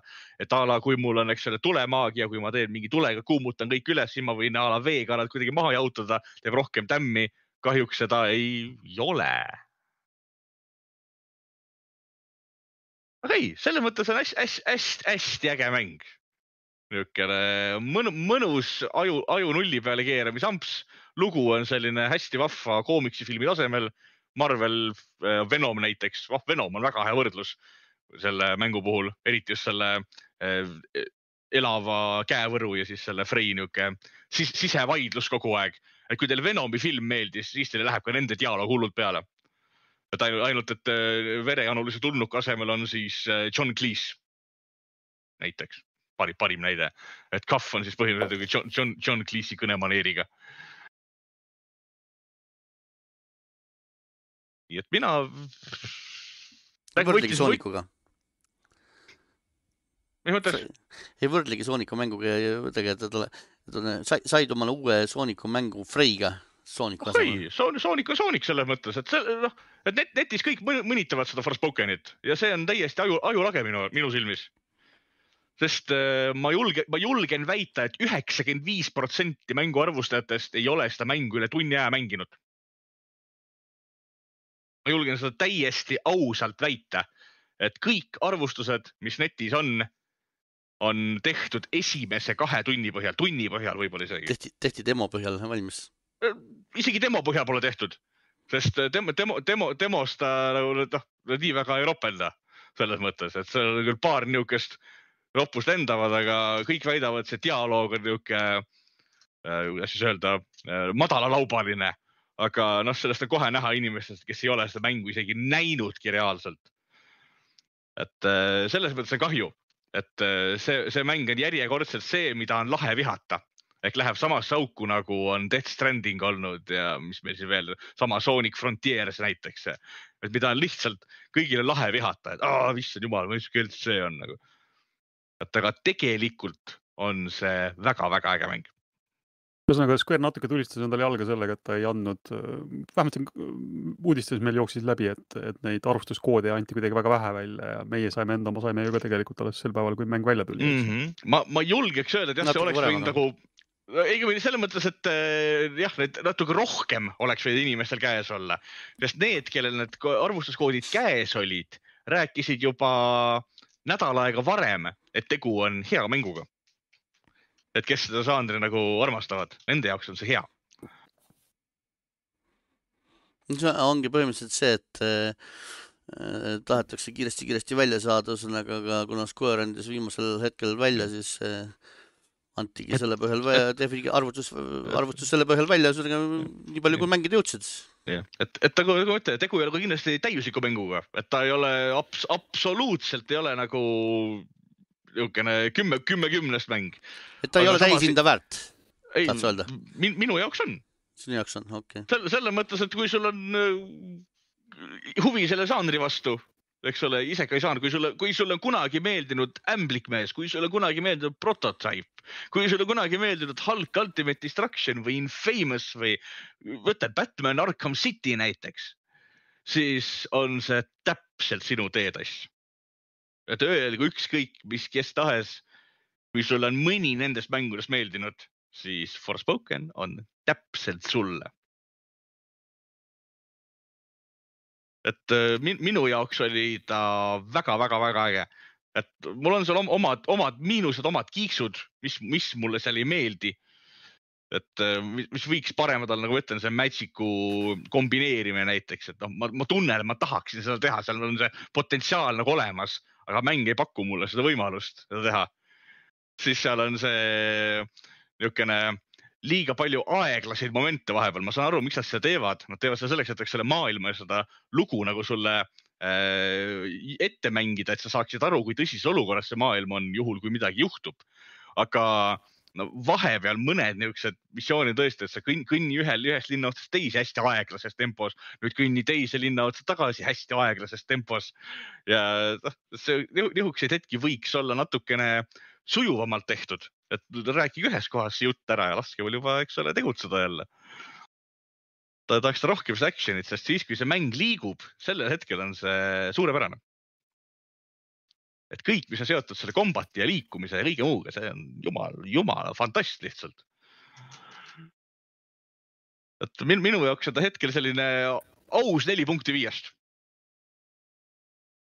et seal on teatud ebakõlad, graaf, noh graafiliselt on, on ta ühel hetkel on suurepärane, teisel hetkel näeb välja selline natuke kahtlane, aga seda ei pane tähelegi, kuna graafilisi võimalusi on mustmiljon seal, kuidas seda kombineerida, sa võid kombineerida erinevaid äh, graafikalahendusi nagu, eks ole, seda äh, kaadrisageduse ja kvaliteedile või rõhumist sa võid kvali- kombineerida oma, kui sul on äh, see saja kahekümne hertsi võimekus ja telekas, sa võid neid omavahel kokku panna. PlayStation viie peal siis, et arvuti peal olid süsteemi nõuded muidugi mingisugused ulmelised.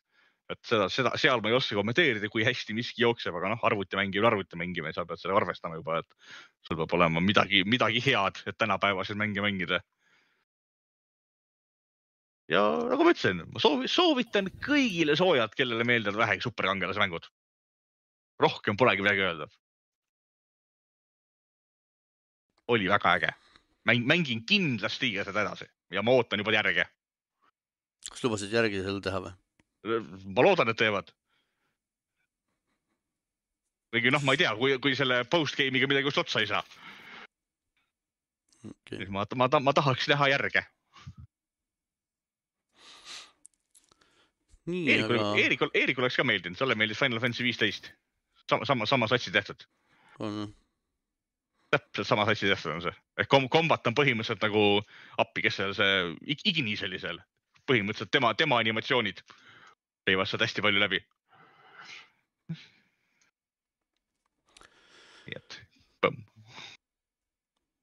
nii, aga omal lisaks äh, puldi näppimisele näppis siin selle puldiga, proovis igast muid mänge sellest äh, plussi teenusest vist või?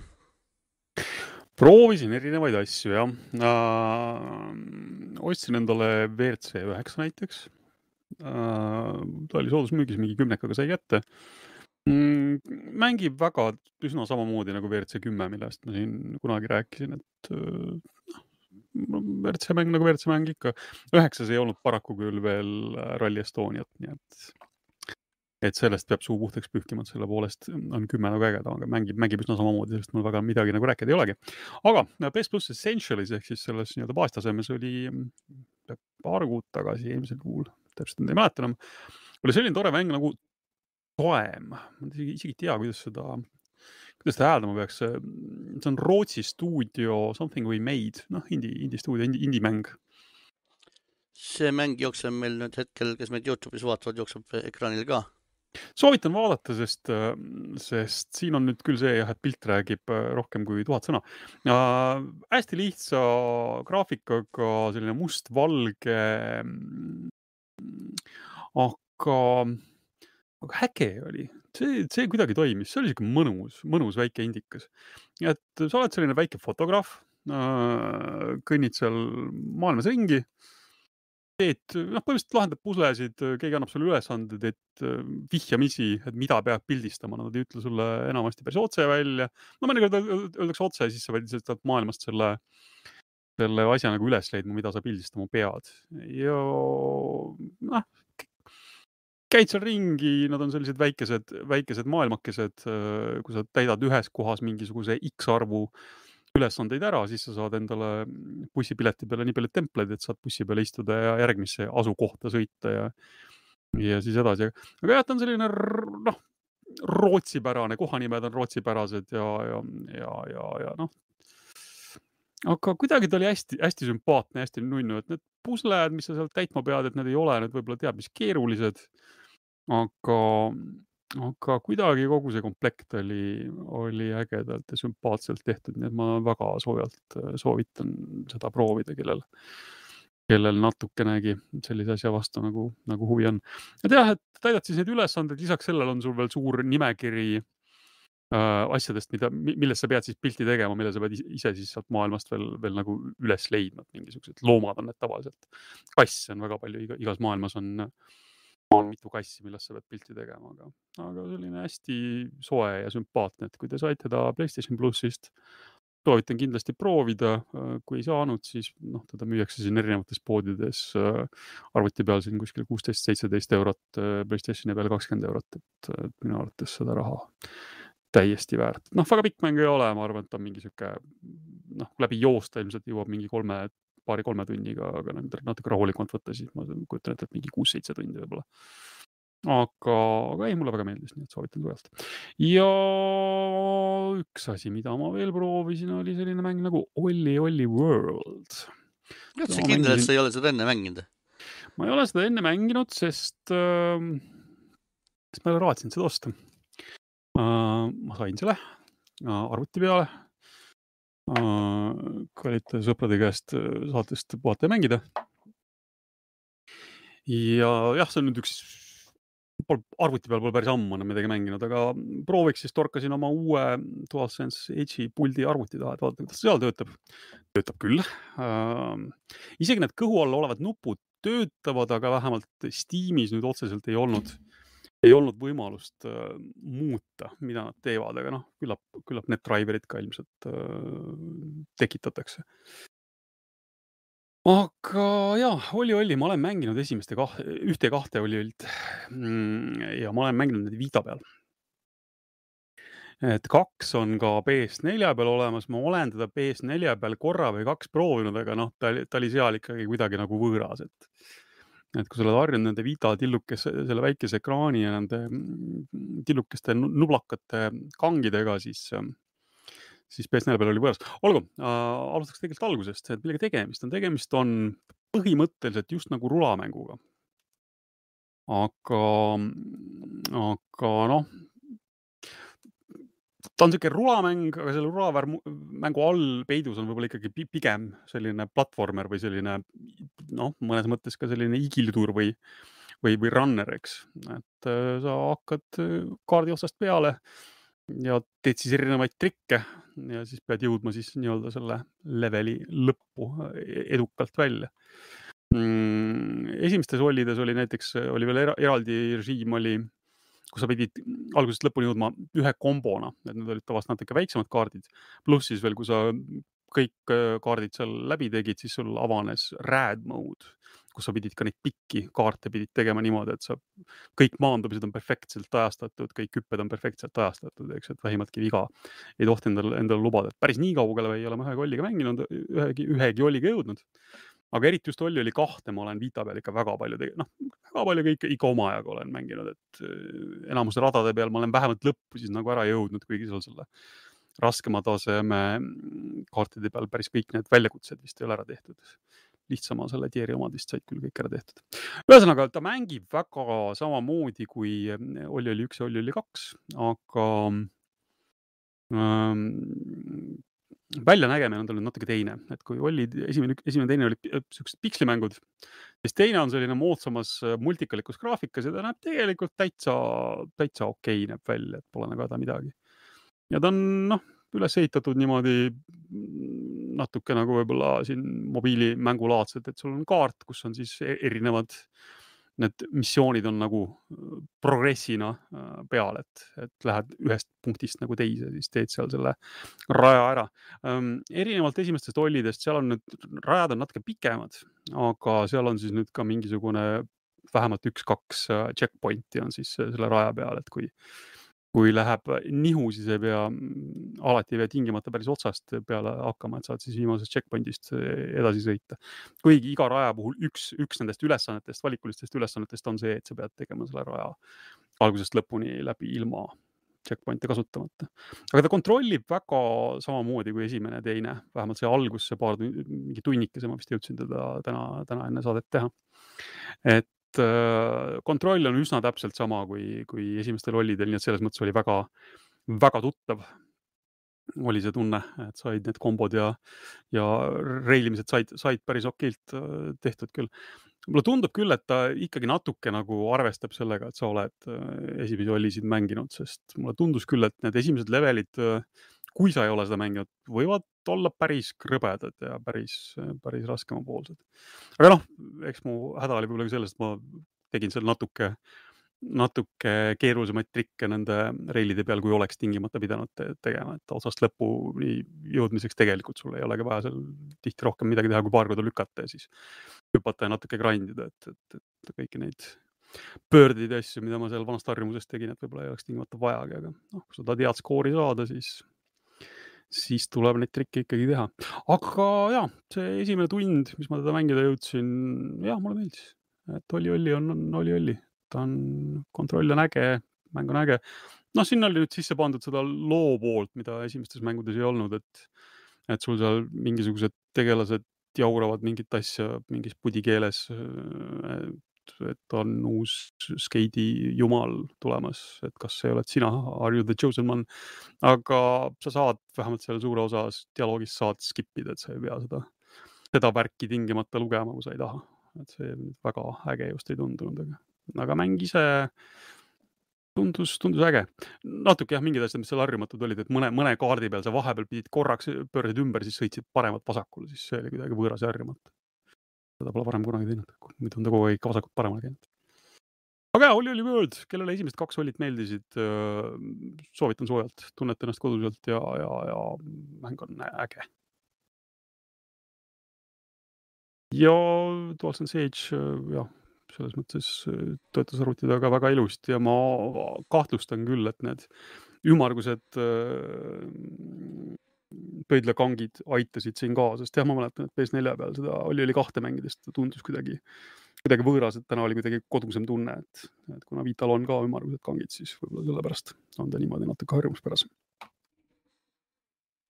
Nonii, aga kas saime tänase saatega järsku ühele poole või? arvestades uudiste vaest aega, siis poolteist tundi, ei teagi täpselt, kust see nüüd siis jälle tuli. no meil oli pult ja meil oli Forspoken ja meil oli mm. Mm -hmm. Hi-Fi Res, nii et äh, ja väike Fire Emblem ja väike Jaa. veerand ja meil oli asju. ühesõnaga, meile meeldib mängida otsesaade iga pühapäeva õhtul kell kaheksa Youtube'is ja Mkuubis kanalil uh,. taskuhäälingu versioon teie eelistatud podcast'i rakenduses tavaliselt esmaspäeviti. tore, et tulite, külastage meid jälle ja tšau. tšau. nägemist.